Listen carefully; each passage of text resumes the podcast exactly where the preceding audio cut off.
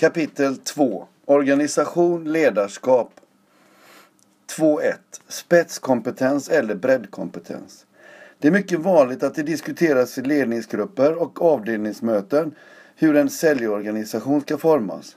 För mig är det en självklarhet. Här kommer något som jag själv upplevt. 1994 bytte jag jobb och mitt uppdrag var att etablera ett fabrikat i Sverige. I grund och botten var jag ensam i landet i uppstarten. De flesta medarbetarna jag hade fanns i Norge och det var därifrån som affärerna sköttes tills jag började. Det första jag gjorde var att besöka de kunder som köpte av oss för att skapa en kontakt och påbörja en relation. Som ni vet så är Sverige ganska långt, vilket innebär att jag ofta var på resande fot. Såklart var alla kunder glada över att företaget satsade på Sverige och att de fick en svensk kontakt.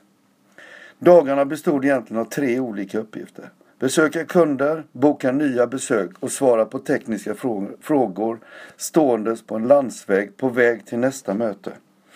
Nu undrar, nu undrar ni säkert vart jag vill komma med den här historien.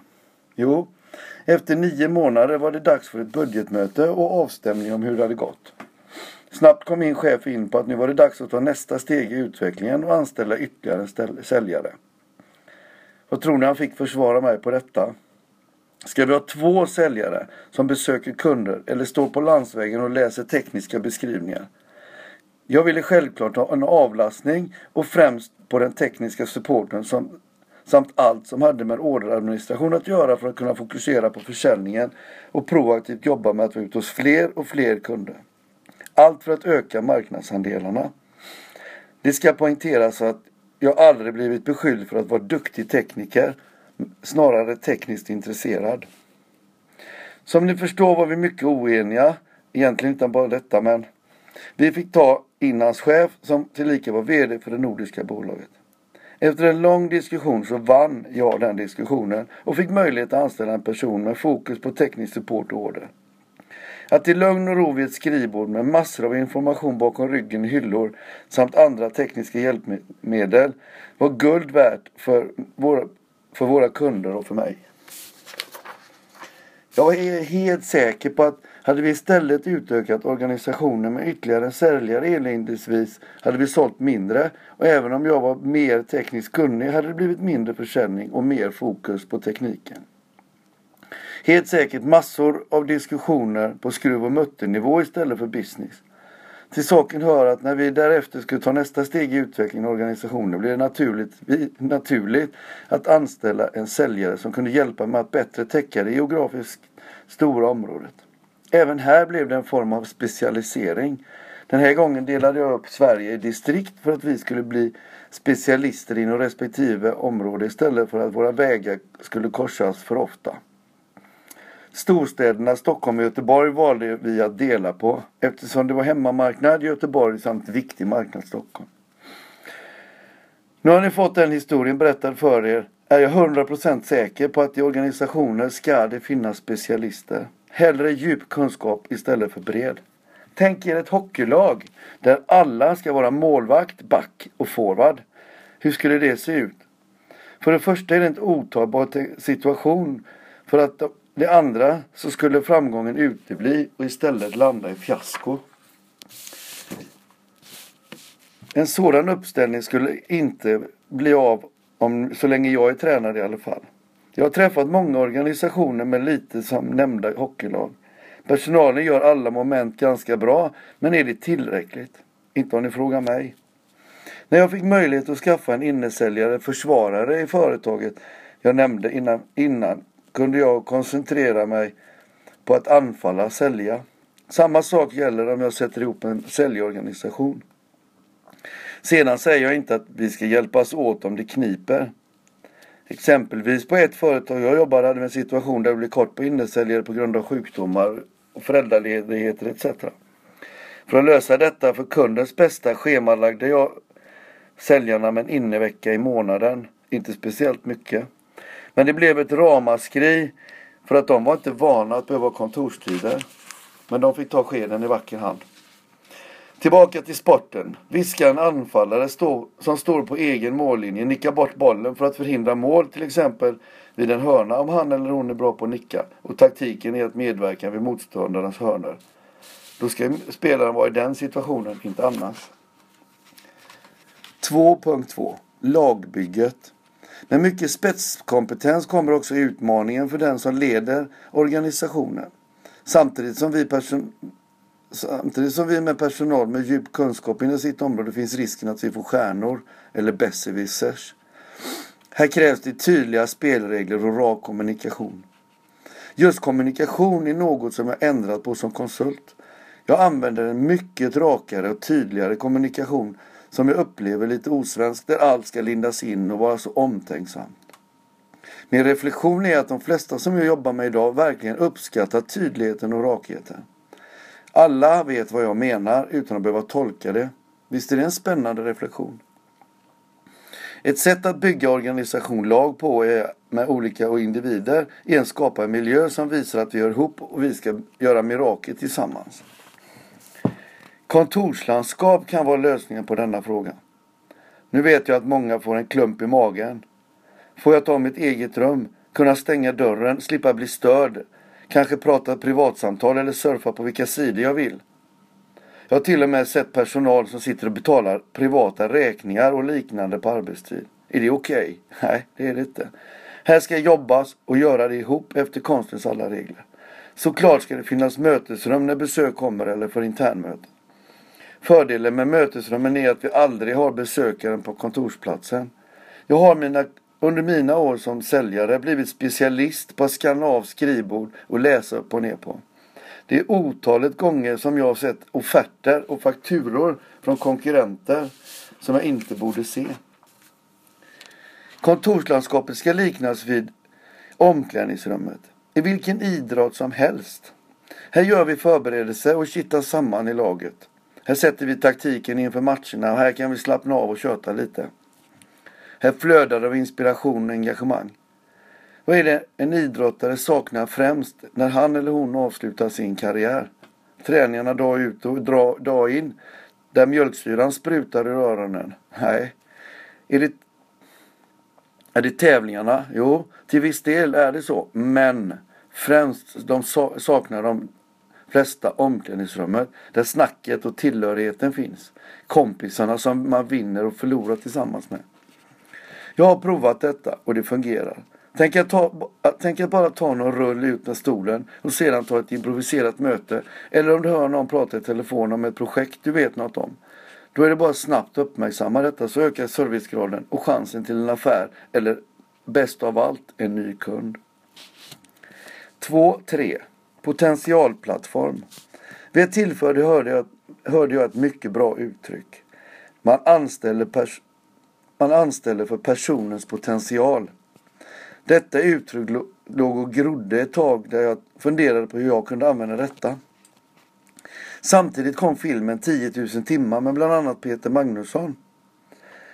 10 000 timmars regeln bygger på bland annat forskning från den svenska psykologen K. Anders Eriksson som säger att man kan bli bra på vad som helst efter ungefär 10 000 timmars träning.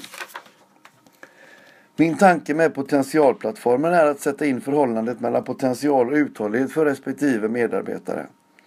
Alltså, har de potential att bli till exempel en bra sälj, riktigt bra säljare och framförallt finns energin och tålamodet, 10 000 timmar, att göra det. Användbart? Ja, jag tror det. Självklart är det en subjektiv bedömning, men det är det ofta. Här kommer du som använder potentialplattformen att kunna hitta vilka du ska satsa på, vilka som du kanske ska omplacera. Jag hade till exempel en säljare som jobbat i massa år med olika säljuppdrag samtidigt som han var mycket intresserad av tekniken som han sålde. Hans potential var stor, men uthålligheten för att vara ute och sälja med allt vad det innebär var inte det. Därför omplacerade jag honom som innesäljare teknisk support under hans sista sex år i arbetslivet. Helt plötsligt ökade uthålligheten och han blev riktigt bra i den positionen. Konstigt då att jag hade lite ångest innan när jag skulle ta upp detta med honom. Jag trodde samtalet var mycket svårare än det var eftersom det var en form av degradering, eller skulle kunna vara. Men för honom var det en befrielse att slippa jaga kunder, boka besök och allt annat som hör säljjobbet till. En sammanställning för din organisation i potentialplattformen kan ge dig svaret på, en, på hur stor potential det finns i din organisation och hur stor chans det är att den utvecklas beroende på uthålligheten. Kom ihåg att placeringen i matrisen inte ska vara statisk. Det finns faktiskt möjlighet att öka framförallt uthålligheten fast du inte kan tro det. Jag har själv testat detta. Men det, mycket handlar om kommunikation och coacha säljaren. Självklart går det till en viss gräns. En del personal jag jobb, arbetat med har gått i mål på sin plats i företaget. Då är, där är det främst byta arbetsuppgifter, sedan företag eller båda som är lösningen. Inte alldeles lätt, men det fungerar. Eftersom jag kommit på det här verktyget först nu när jag arbetar som försäljningskonsult har jag använt det till att coacha säljchefer efter att jag fått utbilda deras säljare. 2.4 Försäljningschefens roll För ett antal år sedan gick jag en utbildning för försäljningschefer och första ämnet att diskutera var Vad ska en försäljningschef vara bra på? Till och med vara bäst på? Tänk er att ett konferensrum med cirka 15 stycken killar och tjejer som redan jobbar som försäljningschefer och ska utveckla sig. Vilket huvudbry det blev när de, inklusive mig själv, funderade på vad, det, vad jag var bra på samt vad jag ska vara bra på. Det som kom upp som förslag var försäljning, ledarskap, coachning, marknadsföring och många fler förslag. Utbildningsledaren uttryckte sig ungefär som Brasse i Fem myror och eh, i fler än fyra elefanter brukade säga. Bra tänkt, men det finns något fiffigare. En försäljningschef ska vara bäst på att vara försäljningschef. Visst är det simpelt? Sen är det klart viktigt att försäljningschefen har kunskap och erfarenhet om det som nämndes innan. En fråga som ofta återkommande är om en försäljningschef ska vara operativ, alltså ha egna kunder eller inte. Här är jag lite motsägelsefull mot vad jag normalt tycker. Jag har gjort båda och det har fungerat båda gångerna om ni frågar mig. Det bästa med att vara lite operativ, i alla fall när det gäller mig, är att när en ny strategi, idé eller liknande dyker upp och man får interna mothugg kan du själv som försäljningschef packa väskan och ut på kundbesök för att testa strategin. Det kunde jag sakna när jag inte alls var operativ. Samtidigt är det viktigt när man, som i det här fallet, är personalansvarig med relativt mycket personal. Det var 16 stycken. Att alla blir sedda och får uppmärksamhet Senare byggde jag en organisation till att ha två försäljningschefer, en för försäljarna och en för innesäljarna. Nu blev det möjligt att ge både kunder och personal fokus. Det fungerade mycket bättre. 2.5 Medarbetarsamtal. Det kallas ofta utvecklingssamtal egentligen och är egentligen vad det handlar om. Jag skriver om detta främst för att jag vet att det är något som är lika viktigt som eftersatt. Dessa samtal ska du göra ska göras för att du och din chef medarbetare ska få under en lugn stund reflektera över vad som varit bra samt vad som kan bli bättre under året. Dessutom är det bra för chefen att få en indikation av vad medarbetarna har för vision. Alltså den svåra frågan. Vad gör du om fem år? Under de första åren är, sällan, är det sällan som det finns något svar. Men trägen vinner och till slut går det upp för medarbetaren att detta jag vill, det, det är detta jag vill göra om fem år. Ibland kan det vara så att man vill ha samma arbetsuppgifter och det är också okej. Okay. Vi behöver förvaltare i organisationen också. Det skulle vara mycket svårare men också roligare om alla ville framåt i en organisation. Utmaningen ligger i att skapa ett förtroende för varandra och att vi båda vågar att vara ärliga detta tar tid eftersom det är en speciell situation att sitta med sin chef och samtidigt vara ärlig. Kanske ha åsikter om sin chef eller ambitioner i framtiden någon annanstans eller funktion. För att underlätta har jag ofta använt en soffa eller en, två fåtöljer som står bredvid varandra för att vi ska sitta på samma våglängd och känna oss jäm, jämbördiga. Även att skicka ut information i förväg så att båda är förberedda. 90 procent ni vet. Nu kommer det igen och det kommer att komma igen och igen. Jag vill berätta om två samtal där det har blivit lyckliga slut i båda fallen. Det ena var med en innesäljare där vi haft några samtal om ambitionen när han slutligen berättade för mig att han ville bli utesäljare. Kanske var det lite svårt för honom att ta det med mig eftersom just då fanns det inte någon ledig plats hos oss. Mitt svar till honom var Jättebra att du kommer fram till vad du vill och att du nu kan fokusera på detta framöver innan du gör något tillsammans med din nuvarande tjänst. Och så frågar jag, kan vi göra en deal? Om jag inte hittar en plats till dig innan du gör det i något annat företag, kan vi ha en öppen dialog om detta? Informera mig om, du är, om att du är på väg, så lovar jag att vara din referens. Den överenskommelsen tog vi hand i samtidigt som jag funderade på om det verkligen skulle bli så. Eftersom jag skriver om detta förstår ni att vårt avtal höll sig. En dag kom han in till mig och sa att han hade sökt ett säljjobb hos en konkurrent och nu ville han ha hjälp med att jag skulle vara hans referens. Självklart gjorde jag det och var med i hela processen för att han skulle hitta en ny anställning. Vad vann jag på detta förutom att han var glad och tacksam för att jag hade hjälpt honom? Huvudsakligen vann jag att kunna förbereda mig för att han skulle sluta och låta någon annan ta vid utan att kunderna märkte stor skillnad. Han är idag en duktig utesäljare och vi löste uppgiften med en ny innesäljare galant. Detta skulle jag vilja uppleva oftare. Det andra samtalet blev helt annorlunda men slutänden ändå mycket bra. Jag hade en säljare som jag inte tyckte presterade samtidigt som han var ganska missnöjd med de olika strategierna vi var tvungna att acceptera. Här handlar det ordentligt om 90% förberedelse såklart. Jag hade skrivit en lista på tio olika punkter där personen var missnöjd eller tyckte annat. Det var okej okay att göra det samtidigt som det måste accepteras. Notera ska, ska att detta var ett stort företag både i Sverige och världen. Acceptera läget är en väldigt vanligt förekommande fras här. Jag inledde samtalet med att fråga Gillar du verkligen att jobba här och ska du verkligen vara kvar? Att, min, att medarbetaren blev chockad av min inledning är en underdrift. Hans svar var Så kan du väl inte säga? Då tog jag fram mina anteckningar och gick igenom punkt för punkt och vi var rörande överens om att han hade avvikande åsikter om de strategierna. När samtalet var slut fick han med sig mina anteckningar för att fortsätta reflektera. Sex månader senare slutade han hos oss för att börja med en ny, annan typ av försäljning. Jag är helt säker på att vårt samtal var starten på att leta en ny tjänst för honom. Vi är fortfarande kompisar och, vi träffar, och när vi träffas så är det som vanligt. Alltså inga hard feelings. Jag vet att det är jobbigt och det tar mycket tid att göra medarbetarsamtal. Men gör dem, för de är viktiga.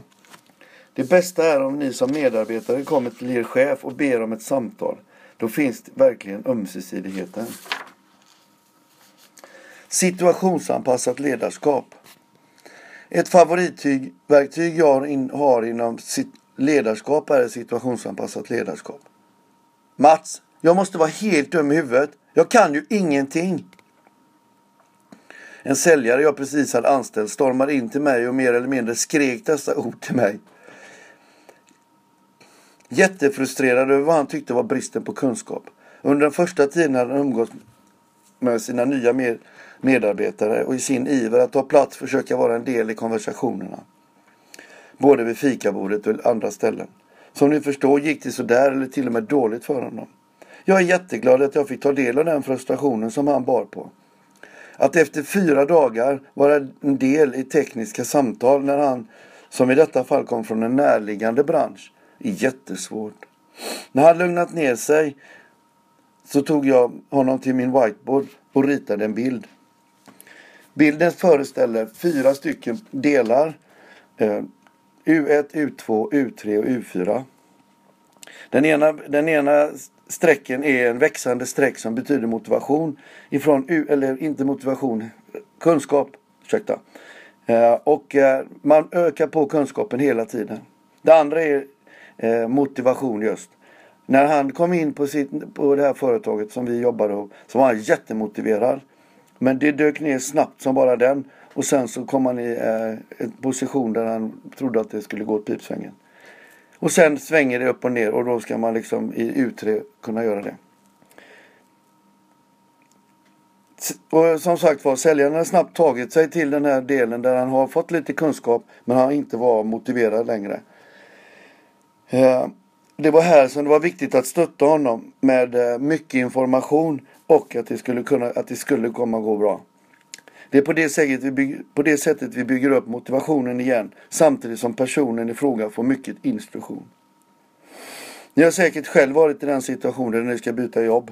Ni är full av motivation men hur mycket kan ni egentligen? Lite om inte något. Det är då ni är i första delen. Efter att vi hade pratat om detta fick han en annan syn på sin situation. Att han fick mer och mer kunskap rådde inga tvivel om.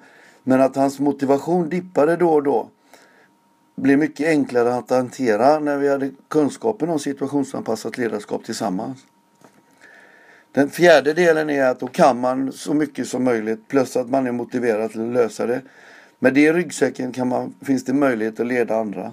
Precis som det gick för den här säljaren i denna arbets, erfarenhetsberättelse. Han arbetar fortfarande kvar och har personalansvar efter flera år som anställd.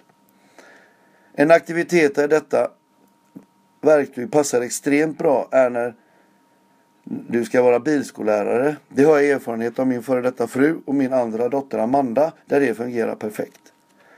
Det finns mycket att skriva om situationsanpassat ledarskap men det tycker jag mer tillhör en bok om ledarskap än försäljning. Så vill ni veta mer om det så googla.